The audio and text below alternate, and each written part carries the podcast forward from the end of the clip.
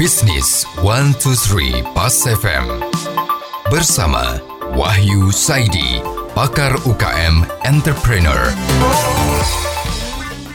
Mitra bisnis kembali dalam bisnis 123 dan kali ini email. Kami terima dari Ibu Reta, seorang dosen di sebuah perguruan tinggi swasta di Jakarta. Ibu Reta sudah menekuni pekerjaan sebagai seorang dosen cukup lama. Sebelumnya, beliau mengajar di perguruan tinggi di Yogyakarta. Selain mengajar, Ibu Reta membuka pelatihan sesuai bidang ilmu yang dikuasainya. Pelatihan ini ditujukan kepada para mahasiswa yang ingin menambah skill mereka dan agar para pesertanya bisa langsung memanfaatkannya di dunia kerja. Bisnis ini berjalan lancar dan banyak mahasiswa yang mengikuti pelatihannya. Sekarang saat di Jakarta Ibu Reta juga ingin melanjutkan usaha sampingannya membuka pelatihan selain mengajar. Namun ketika Ibu Reta mencoba untuk menawarkan pelatihan ini, responnya tidak sebagus ketika di Yogyakarta. Ibu Reta menjadi bingung apakah ini bisa diterapkan juga di Jakarta? Atau ada cara lain untuk mengembangkan bisnis pelatihan ini?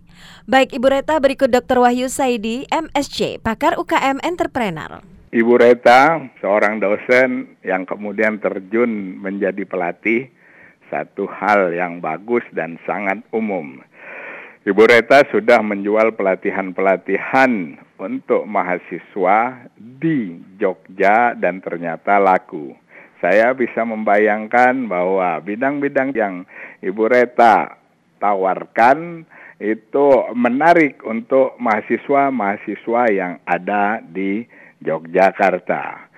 Kenapa itu menarik? Ya saya perkirakan karena materi-materi ini belum umum dikuasai oleh mahasiswa, kemudian mahasiswa dengan bisa menguasai materi yang ibu tawarkan, maka dia berharap dapat akan mendapatkan kerja. Nah, dengan materi dan teknik dan kompetensi yang ibu ajarkan, mahasiswa-mahasiswa di Jogja berharap dia bisa mendapatkan kerja.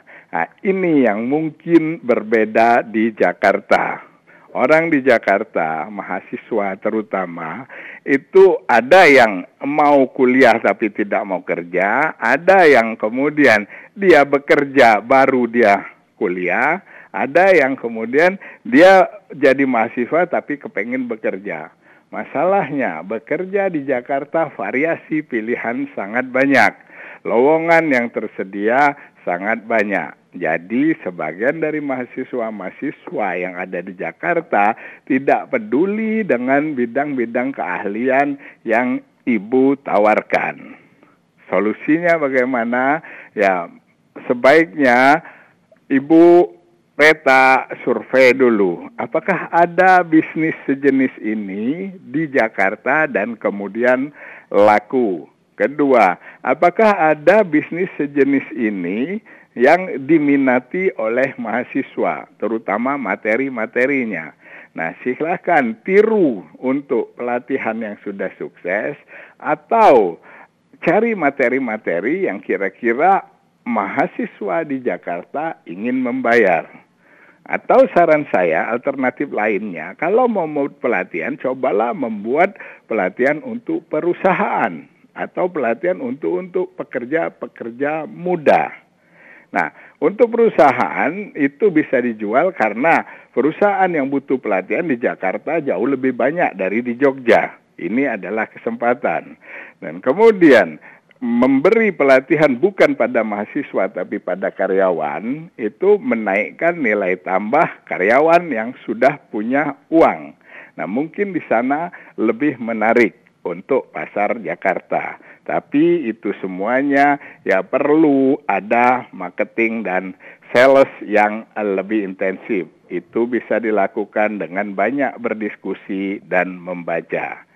Sukses untuk Ibu Reta dengan pelatihannya dari Wahyu Saidi.